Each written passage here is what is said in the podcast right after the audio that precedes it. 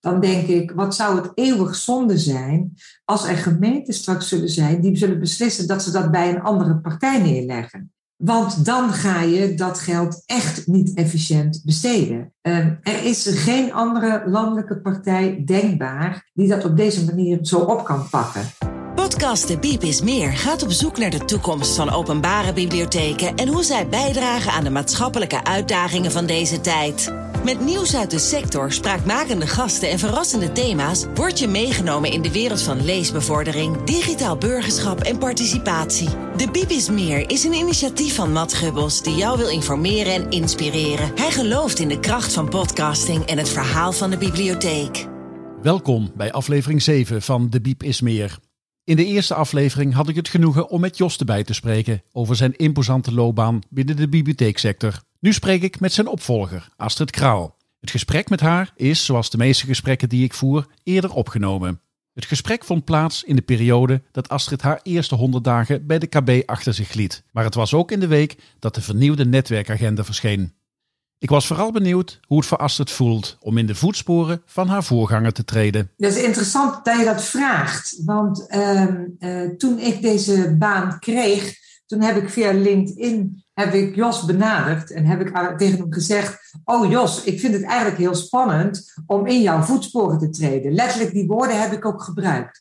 En uh, binnen vijf minuten had ik antwoord van Jos. En Jos zei: Daar is geen sprake van. Je gaat het op je eigen manier doen en zo moet het ook. En toen dacht ik: Kijk, dat is de Jos die ik van vroeger ken. En dat was ook nou net hetgene waar ik heel blij van werd dat hij dat tegen mij zei.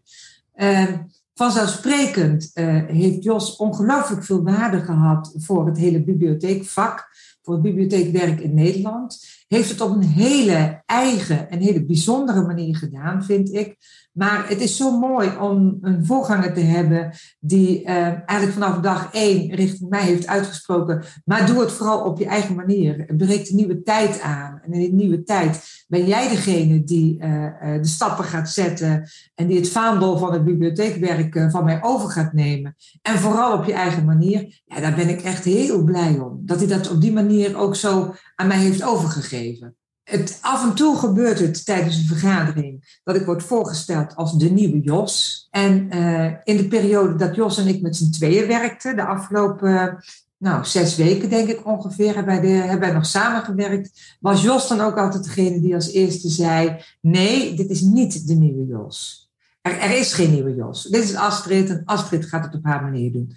Dus um, uh, Jos heeft me al het vertrouwen gegeven en uh, ja, dat is, dat is hartstikke fijn. Helemaal prima. Ja, leuk, leuk. Ik heb Jos altijd uh, gezien als de verhalenverteller. Hoe moeten we jou kenschetsen, Astrid? Ik uh, ben lang niet zo'n goede verhalenverteller als Jos.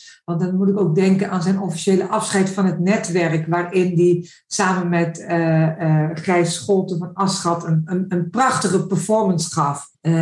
Jos is de verhalenverteller. Ik denk dat ik vooral de verbinder ben. En uh, in het verleden werd ik wel eens uh, de kleurrijke verbinder genoemd.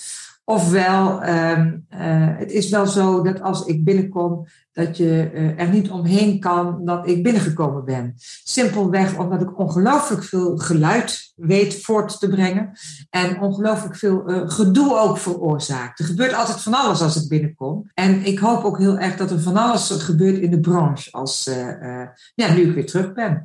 Want ehm, ik hou van actie, ik hou van uh, vooruitkijken, ik hou van filosoferen over de toekomst.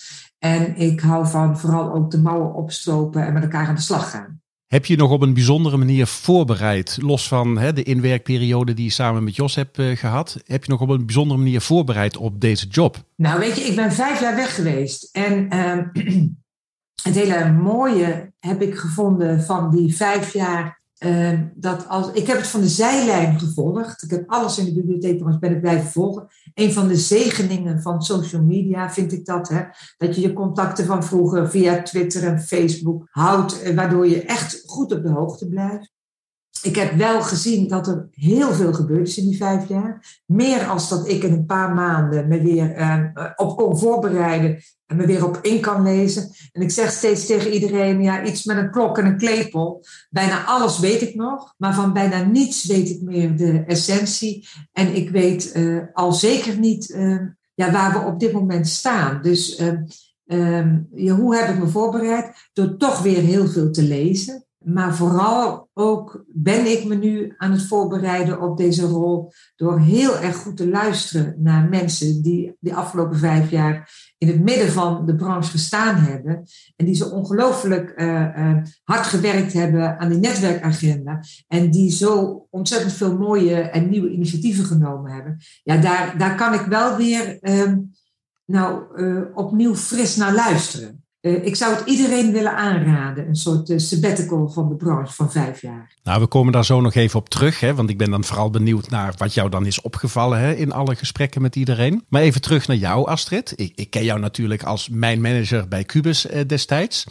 Um, je hebt heel veel in het lokaal bibliotheekwerk gedaan en via Cubus ben je nu op het landelijke speelveld terecht gekomen. Maar als je nu terugkijkt op jouw bibliotheekperiode, welke periode in jouw loopbaan was dan het meest vormend voor waar je nu staat? Ja, ik denk eigenlijk toch wel de periode bij Cubus. Dat was een uh, hele lastige en hele zware periode. Uh, wij kennen ook elkaar uit die tijd. Uh, en dat is een periode geweest waarin de bomen niet meer tot aan de hemel groeiden.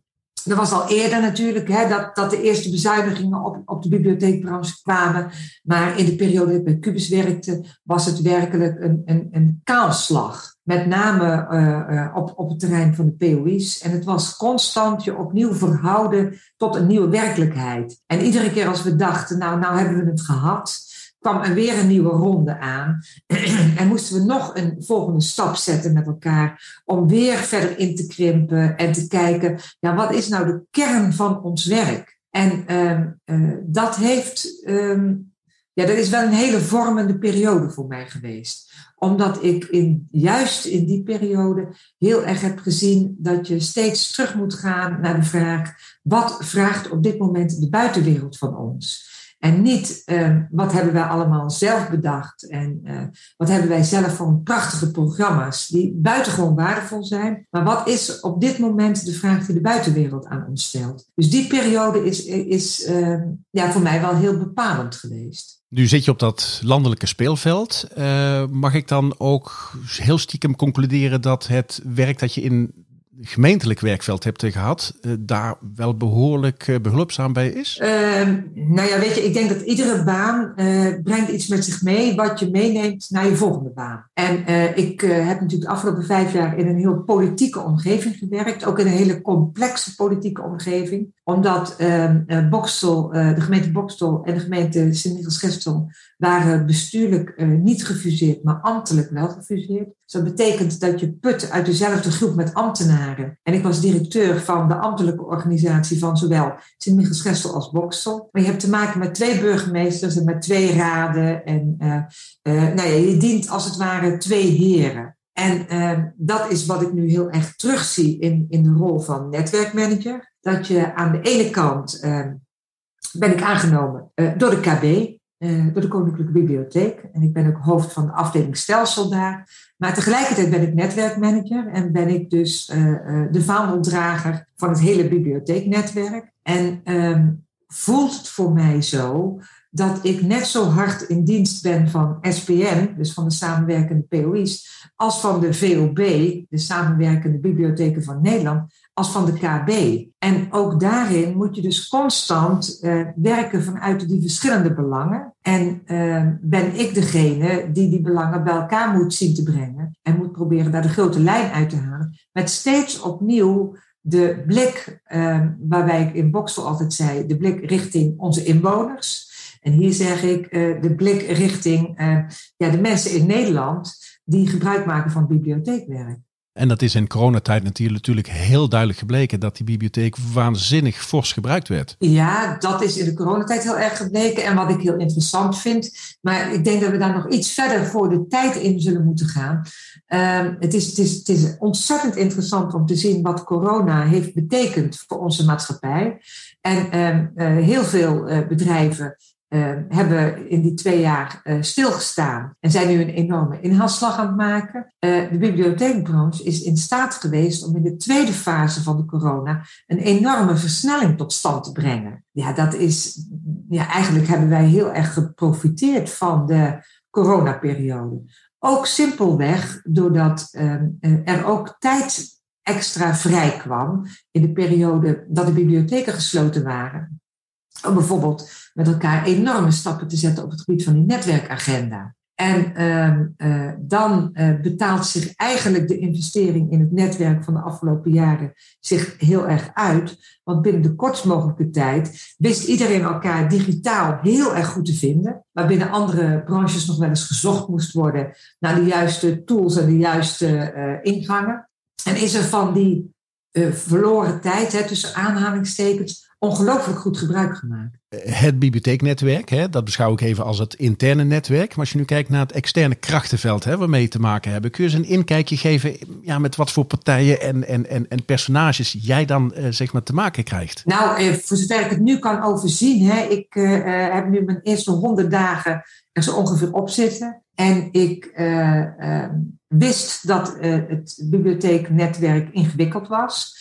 Maar ik realiseer me nu nog steeds meer dat het echt heel ingewikkeld is. we hebben natuurlijk die gelaagdheid in het stelsel, hè? Het, het, het, het, plaatselijke, het provinciale en het landelijke. Maar daarnaast hebben we te maken met een ongelofelijke hoeveelheid eh, samenwerkingspartners, eh, die in sommige gevallen toeleveranciers zijn of uh, gewone leveranciers zijn, uh, die in een aantal gevallen echt ook samenwerkingspartners zijn, waarmee je jarenlange verbindenissen hebt op allerlei verschillende terreinen. En je hebt te maken met heel, een heel aantal verschillende ministeries, waarvan die van uh, Binnenlandse Zaken en OCW natuurlijk de meest in het oog springende zijn van dit moment. Dus je, je begeeft je eigenlijk in, in een ongelooflijke hoeveelheid netwerken waarbij volgens mij de voornaamste kunst is met elkaar samen die maatschappelijke opgave aan te pakken omdat ik er echt heilig van overtuigd ben dat die opgave vele malen te groot is uh, uh,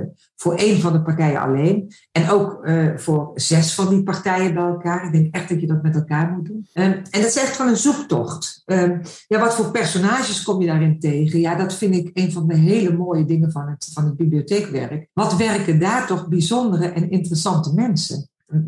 In het bibliotheekwerk en rondom dat bibliotheekwerk ik zeg wel eens, als je uh, alleen al bij de Koninklijke Bibliotheek in de lift staat met iemand en je vraagt, goh, wat doe je eigenlijk voor werk? Dan komt er een verhaal waarbij ik denk, oh, ik wou dat dit gebouw 100 verdiepingen had, want ik wil nog wel 10 minuten naar jouw verhaal luisteren en eigenlijk ook nog wel langer.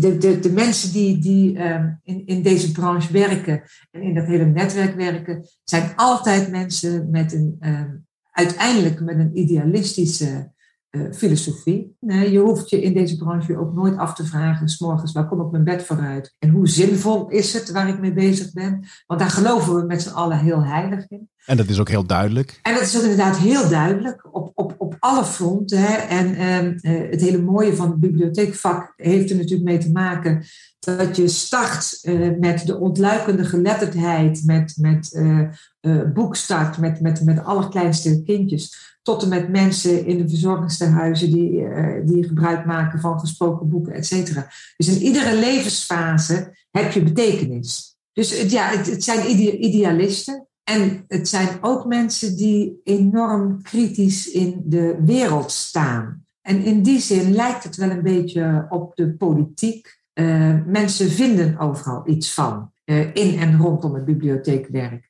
En dat vind ik ook mooi. Uh, vind, vind ik mooi om te zien. De kranten worden goed gelezen, het nieuws wordt goed bijgehouden. Ik merk alweer dat als je een weekend ehm, even iets heel anders aan het doen bent, dat je op maandagmorgen echt heel veel gemist hebt. Ehm, om, omdat er weer van alles voorbij is gekomen in de media en in de wereld, waar je collega's het erover hebben. En, en wat impact heeft op, op je dagelijkse werk. Dus dat is leuk. Hele maatschap, maatschappelijk betrokken mensen in de eerste honderd dagen, hè, je hebt veel gelezen, je hebt veel mensen gesproken. Wat is jou opgevallen? In de zin van, hé, hey, dat, dat, dat had ik nog niet echt op de korrel. Dit had ik nog niet echt in het vizier. Nou, het eerste wat mij op is gevallen is wat een ongelofelijke sprong we met elkaar gemaakt hebben de afgelopen vijf jaar. Dus wat is er ongelooflijk hard gewerkt. Daar heb ik echt heel erg veel uh, uh, bewondering voor. Er is echt heel veel gebeurd. En ehm, ehm, de grote kunst gaat nu worden om dat ook door te vertalen in concrete producten, diensten die uh, op te schalen zijn.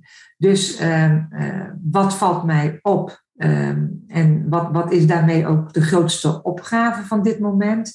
Dat is dat uh, ik denk dat op tal van terreinen hele mooie dingen gebeurd zijn en hele mooie dingen ontwikkeld zijn. Dat we nog onvoldoende van elkaar weten.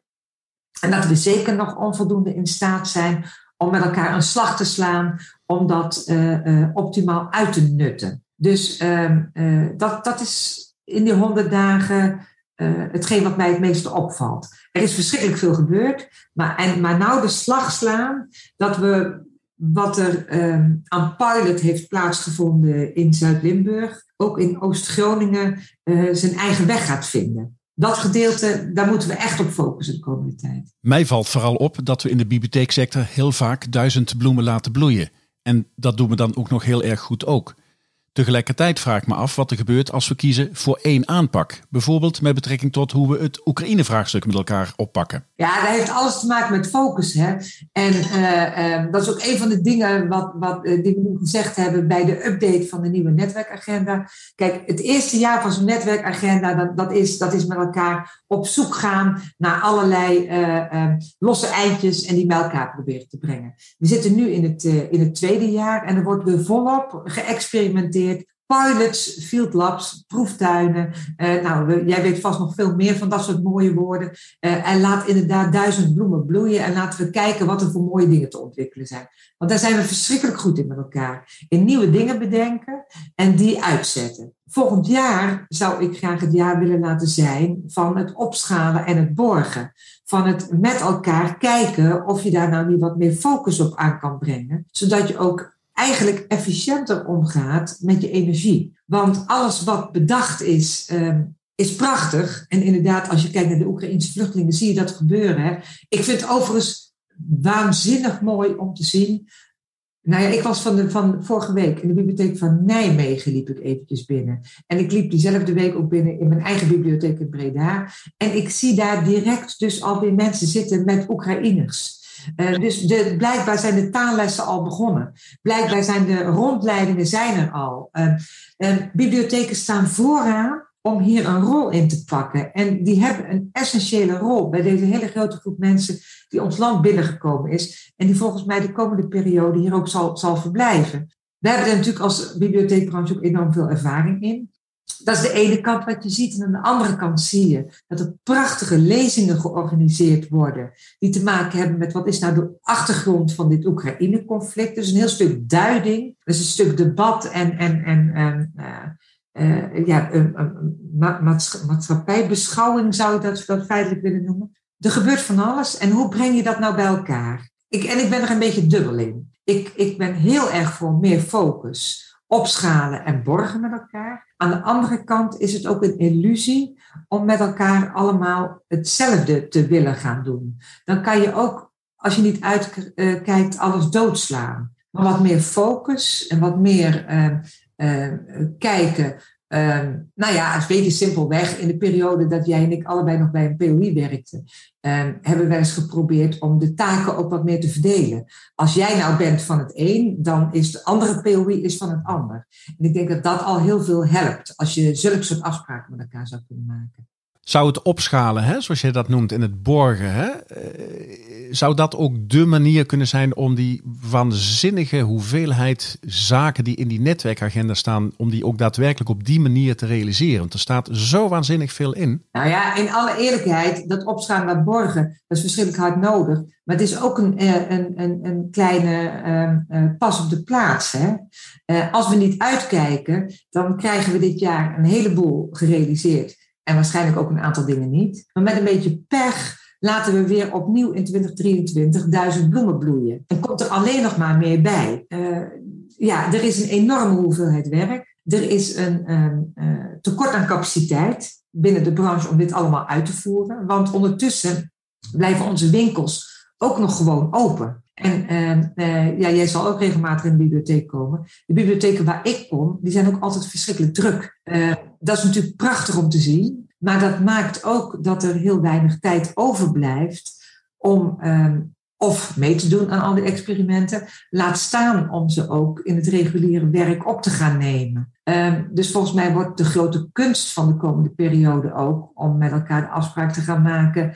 Um, om dingen wat meer, uh, ja, wat meer focus aan te brengen, uit te diepen. Um, en misschien uh, is de beperking wel uh, onze redding voor de komende tijd. Want het is heel veel, je hebt helemaal gelijk. En, en ik zeg altijd, grote plannen prima, maar je moet wel realistisch blijven en ook resultaten halen. Nou ja, je brengt het zelf al te sprake. Ik heb de netwerkagenda natuurlijk doorgenomen, niet alleen voor dit gesprek, maar ook al eerder. En wat me daarin opvalt is ja, dat het in beperkte mate concreet is. En dat heel veel van de dingen die daar al staan, die doen wij eigenlijk al. Ja, dat klopt. Maar dat komt omdat jij de, je hebt de, netwerk, de eerste netwerkagenda gezien. Deze week uh, komt de update uit. Uh, en dat is eigenlijk de netwerkagenda 2022. Mm -hmm. Waarin we heel nadrukkelijk hebben geprobeerd het wat te versmallen. En vooral concreter te maken. Dus uh, er staat nu bij ieder hoofdstukje heel concreet benoemd. Wat gaan we nu echt dit jaar ook doen en uitvoeren? En wat leveren we op aan het einde van het jaar? De eerste netwerkagenda was natuurlijk ook voor een heel groot stuk. Wat, wat gebeurt er allemaal in het veld? En hoe kunnen we dat nou stroomlijnen en bij elkaar brengen? Dus het zou heel bijzonder zijn geweest als jij in de eerste netwerkagenda heel veel dingen had gelezen waarvan je had gezegd: Oh, dit is voor mij volslagen nieuw. Want dan had het wellicht um, een innovatieagenda uh, geweest. Uh, en zelfs dan zou je nog uh, heel veel dingen hebben moeten herkennen, denk ik. Toen je eerder dit jaar door Jos de Bij werd geïnterviewd, toen zei je dat het belangrijk is om elkaar een level verder te helpen. Wat bedoel je daarmee? je moet je dan eerst even afvragen, wat is elkaar? Wie zijn wij? En zijn wij in de branche, de KB, SPM en de VOB? Of zijn wij in de branche alle medewerkers die werken in de bibliotheekbranche? En ik geloof in dat laatste. Uh, en dan zijn we met heel veel mensen. En uh, als we dan de ambitie hebben om elkaar op een wat hoger level te brengen, dan hebben we nog wel wat te doen de komende periode.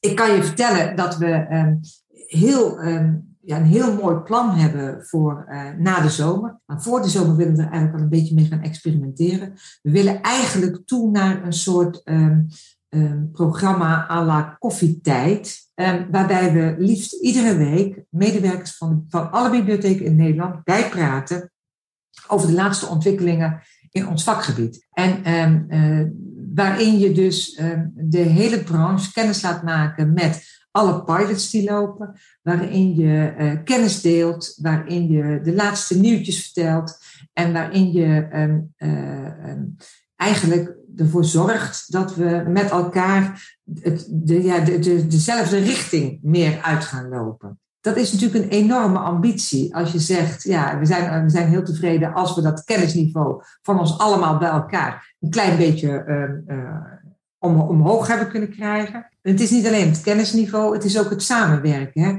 Want je begrijpt, uh, zo'n ehm, televisieserie of uitzending ehm, mag nooit alleen door uh, de KB of alleen door SPN of alleen door de VOB georganiseerd worden. Dat moet iets worden van en voor de branche. Ja, en dan uh, uh, praat je over iets wat wellicht heel moeilijk te realiseren is. Maar goed, ook dit is iets met, een grote ambitie. Daarom ben ik dus in mijn eentje met deze podcast begonnen. Wetende dat de KB dat ook wil, maar nu nog even niet. En dat er ook al een podcast als Wat te bestaat. Uiteindelijk zou je ook dat soort initiatieven kunnen bundelen. Precies, precies. En tegelijkertijd uh, de initiatieven die er zijn, ook hun eigen ruimte te gunnen. En dat is, dat dat is een kunst. Hè? Het is aan de ene kant die duizend bloemen, en aan de andere kant wel proberen daar ook een focus in aan te brengen met elkaar. Dan over naar een ander belangrijk onderwerp, de leescrisis. Een woord dat met het rapport van de onderwijsinspectie een vaste plek heeft gekregen en ook door Mark Dekkers regelmatig wordt benoemd. Hoe kijk jij tegen de leescrisis aan? Is het echt 5 voor 12? Ik maak me daar wel grote zorgen over. Ja, ik maak me zorgen over uh, uh, de jeugd.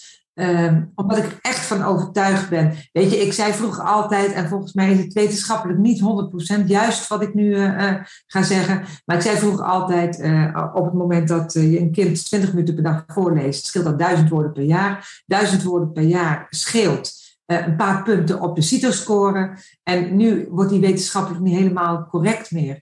Maar we voelen allemaal aan dat die een heel eind klopt. Op het moment dat je een hogere CITO-score hebt, heb je kans op een hogere opleiding. En hoe hoger je opleiding, hoe groter de kans op een gelukkig leven. Daar ben ik werkelijk van uh, uh, overtuigd, omdat geluk heel erg samenhangt met keuzevrijheid. Dus op het moment dat je meer keuzevrijheid hebt, ben je over het algemeen gelukkiger.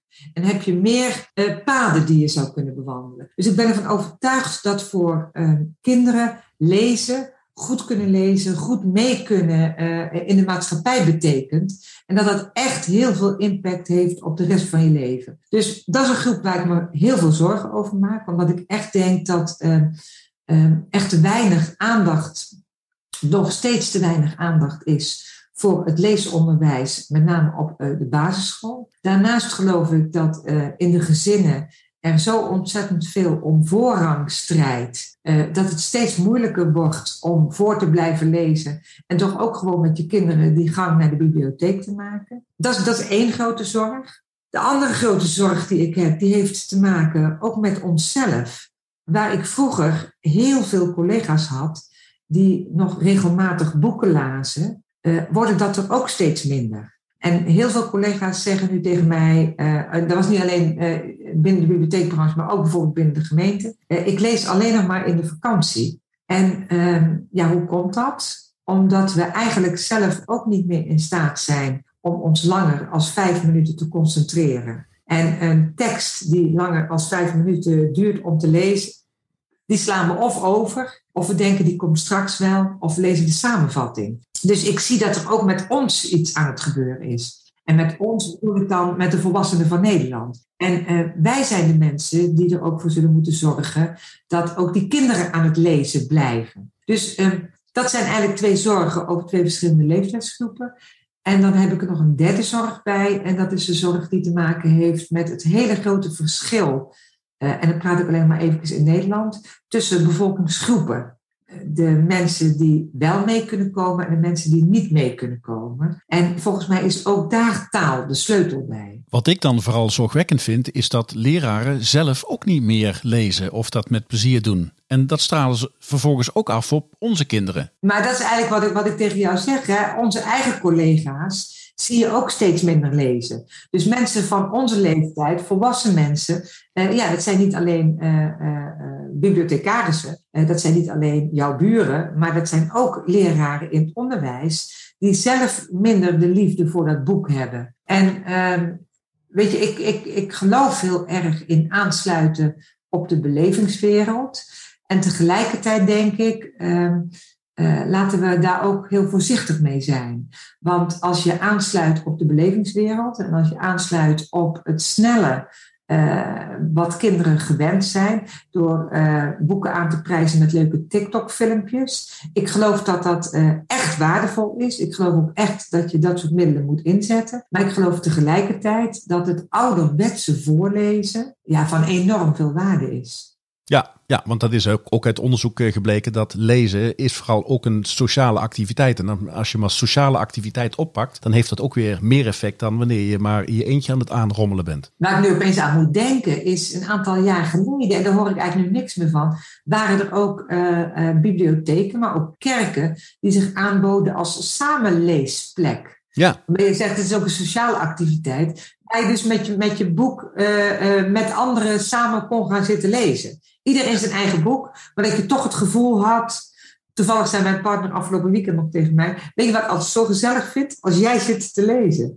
En uh, ik moet altijd even denken, is dat nou een compliment of niet? Maar ik heb besloten om het toch maar als een compliment op te pakken. Astrid, wat vind je van alle leesinitiatieven die op dit moment ontstaan? Gaan die ons uit de leescrisis helpen? Ik weet niet of dat de oplossing gaat bieden. Het gaat er wel toe bijdragen. Het gaat zeker een bijdrage leveren. Daar ben ik van overtuigd. Ik geloof daarnaast dat uh, uh, het nog toegankelijker maken uh, van bibliotheken een bijdrage kan leveren. En dan geloof ik heilig in overal stoppen met contributie voor de jeugd.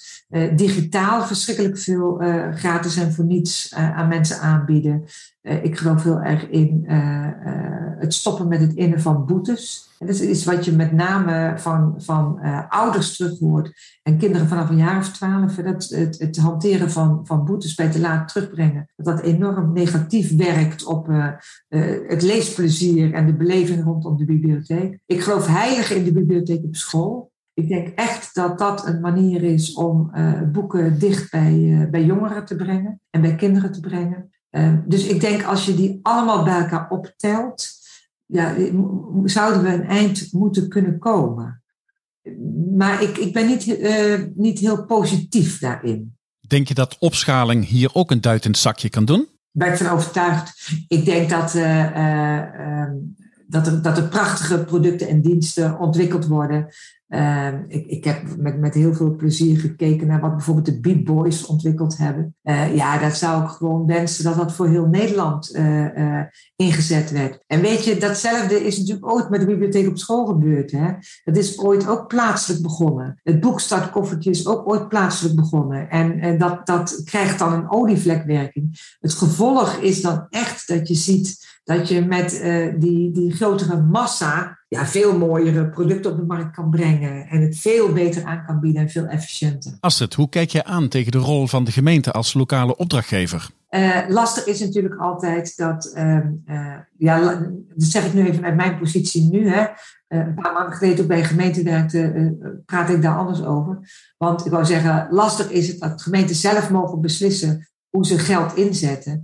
En, dat vind ik vanuit gemeentelijk oogpunt ook heel belangrijk, hè, omdat je daar het allerbeste kan zien wat lokaal belangrijk is en welke lokale partij uh, je beste partner is om je doel te bereiken. Tegelijkertijd, uh, weet je, dit is, dit is de eeuwige discussie tussen centraal en decentraal. Ik geloof in decentraal omdat dat zorgt voor die lokale verankering. Ik geloof in centraal omdat het geloof, wat ik geloof in die opschaling. Ja, en ergens daartussenin zullen we constant moeten bewegen met elkaar. Hoe kijk je aan tegen het bericht dat de financiering van de IDO's volgend jaar bij de gemeentes komt te liggen?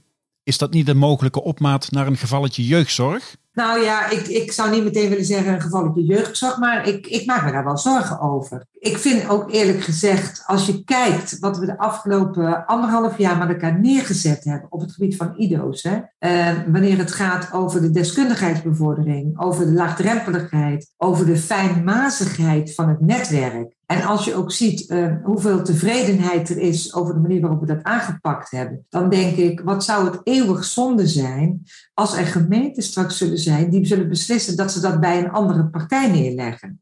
Want dan ga je dat geld echt niet efficiënt besteden. Uh, er is geen andere landelijke partij denkbaar die dat op deze manier zo op kan pakken. Plus, uh, het ligt er al. Dus ik moet heel eerlijk zeggen dat ik het een lastige beslissing vind. Ehm, we hebben er eh, behoorlijk wat geld in gepompt de afgelopen anderhalf jaar. Er is zeer grote tevredenheid over. Het is, ehm, eh, ja, dat vind ik heel interessant. Er is enorm veel belangstelling om nog meer neer te gaan leggen bij die IDO's. Hè. Er zijn bijvoorbeeld heel veel ziekenhuizen die zeggen: kunnen jullie ons ook helpen bij de uh, patiëntendossiers? Ehm, de wet open overheid komt eraan. Dat, dat is, wordt ook spannend, wat burgers daarmee kunnen. Daarbij zouden de bibliotheken natuurlijk prima ook een, eh, een, een rol kunnen vervullen. Dus um, wanneer je kijkt naar de maatschappelijke opgave, er ligt nog heel veel en er komt volgens mij ook nog veel meer aan. We hebben nu een fijnmazig, deskundig netwerk neergelegd door heel Nederland heen om daarop te acteren. En dan wordt er het besluit genomen om het neer te leggen bij gemeenten met een zekere mate van vrijheid hoe dat geld dan ingezet gaat worden. Ik hoop dat, dat, dat alle gemeenten zo verstandig zijn om uh, na te denken op het moment dat het geld binnenkomt, uh, wie deed dit eigenlijk al? Want dan kom je automatisch bij je eigen plaatselijke bibliotheek uit. En dan is het probleem eigenlijk nog te overzien. Op het moment dat, dat gemeenten uh, gaan shoppen en denken, het kan bij ons ook wel voor een stukje bij een welzijnsinstelling en bij ons het ook wel voor een stukje bij, uh, nou ja, ik zeg maar wat, het, het, het, het plaatselijk ouderenwerk. Um, ja, dan ben ik echt van overtuigd dat je um, aan de poten van, van, um, van, de, van, de, van de stoel van het IDO aan het zagen bent. Zou buitengewoon zonde zijn. En tegelijkertijd biedt dit ook weer een kans om een nog duurzamere relatie als bibliotheeknetwerk op te bouwen met eh, de gemeentes. Uh, dat is een, inderdaad een uitstekende mogelijkheid. En waar ik ook in geloof, uh, kijk, voor mij hoeft dit ook niet per se in een bibliotheek plaats te vinden. Hè? Ik weet dat in Drenthe zijn ze op dit moment bezig met een proef met een mobiel IDO, waarbij ze langs buurthuizen bijvoorbeeld gaan. Het, het, gaat nooit om onze plek. Hè? Het gaat om het feit dat wij een netwerk zijn en dat wij de deskundigheid hebben om mensen op deze manier goed te kunnen helpen. En als de moskee een betere plek is, dan gaan we naar de moskee. Als we uh, zien dat een buurthuis een betere plek is, dan gaan we naar een buurthuis. Dus ik hecht niet zozeer aan de bibliotheek als plek, maar meer aan de functie van de bibliotheek. En inderdaad, dit is een uitstekende manier om aan je gemeente te laten zien wat we kunnen betekenen uh, ja, buiten de wat meer traditionele uh, ideeën die je hebt bij bibliotheekwerk. Als het langzaam afrondend, als je nou eens kijkt naar het bibliotheekwerk, het bibliotheeknetwerk moet ik eigenlijk zeggen, over tien jaar. Wat, wat zou jouw grootste wens zijn voor onze sector? Wat, wat willen wij dan bereikt hebben met elkaar? Wat ik heel erg uh, graag bereikt zou willen hebben met het, uh, met het totale netwerk, is dat we toe zouden kunnen groeien naar een, een, een, een, systeem waarin we veel meer gebruik maken van elkaars kennis en kunde. En dat heeft te maken met die opschaling. Dat heeft ook te maken met een ander financieringsmodel.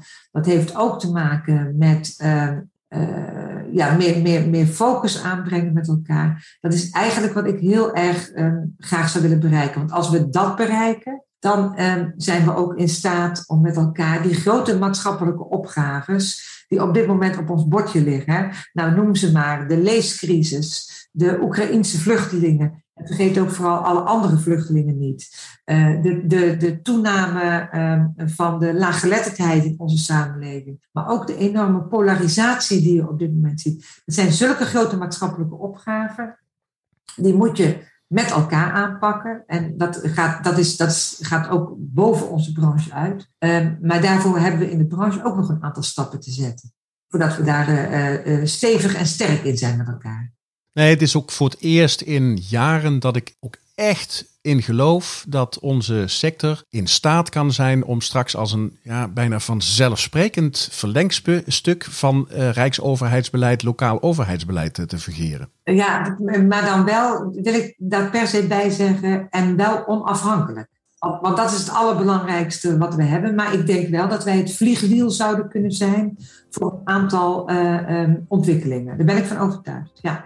Goed, ja, Asse, dankjewel. Het was een genot om met jou te spreken, want uh, we kennen de verhalen van Jos. Uh, we kennen de netwerkagenda, maar ik hoor echt beweging. Ik hoor activiteit. Hè, zoals je in het begin van het gesprek zei, als ik binnenkom, ja, dan gebeurt er wat. En, en ik heb het gevoel dat er iets gaat uh, gebeuren.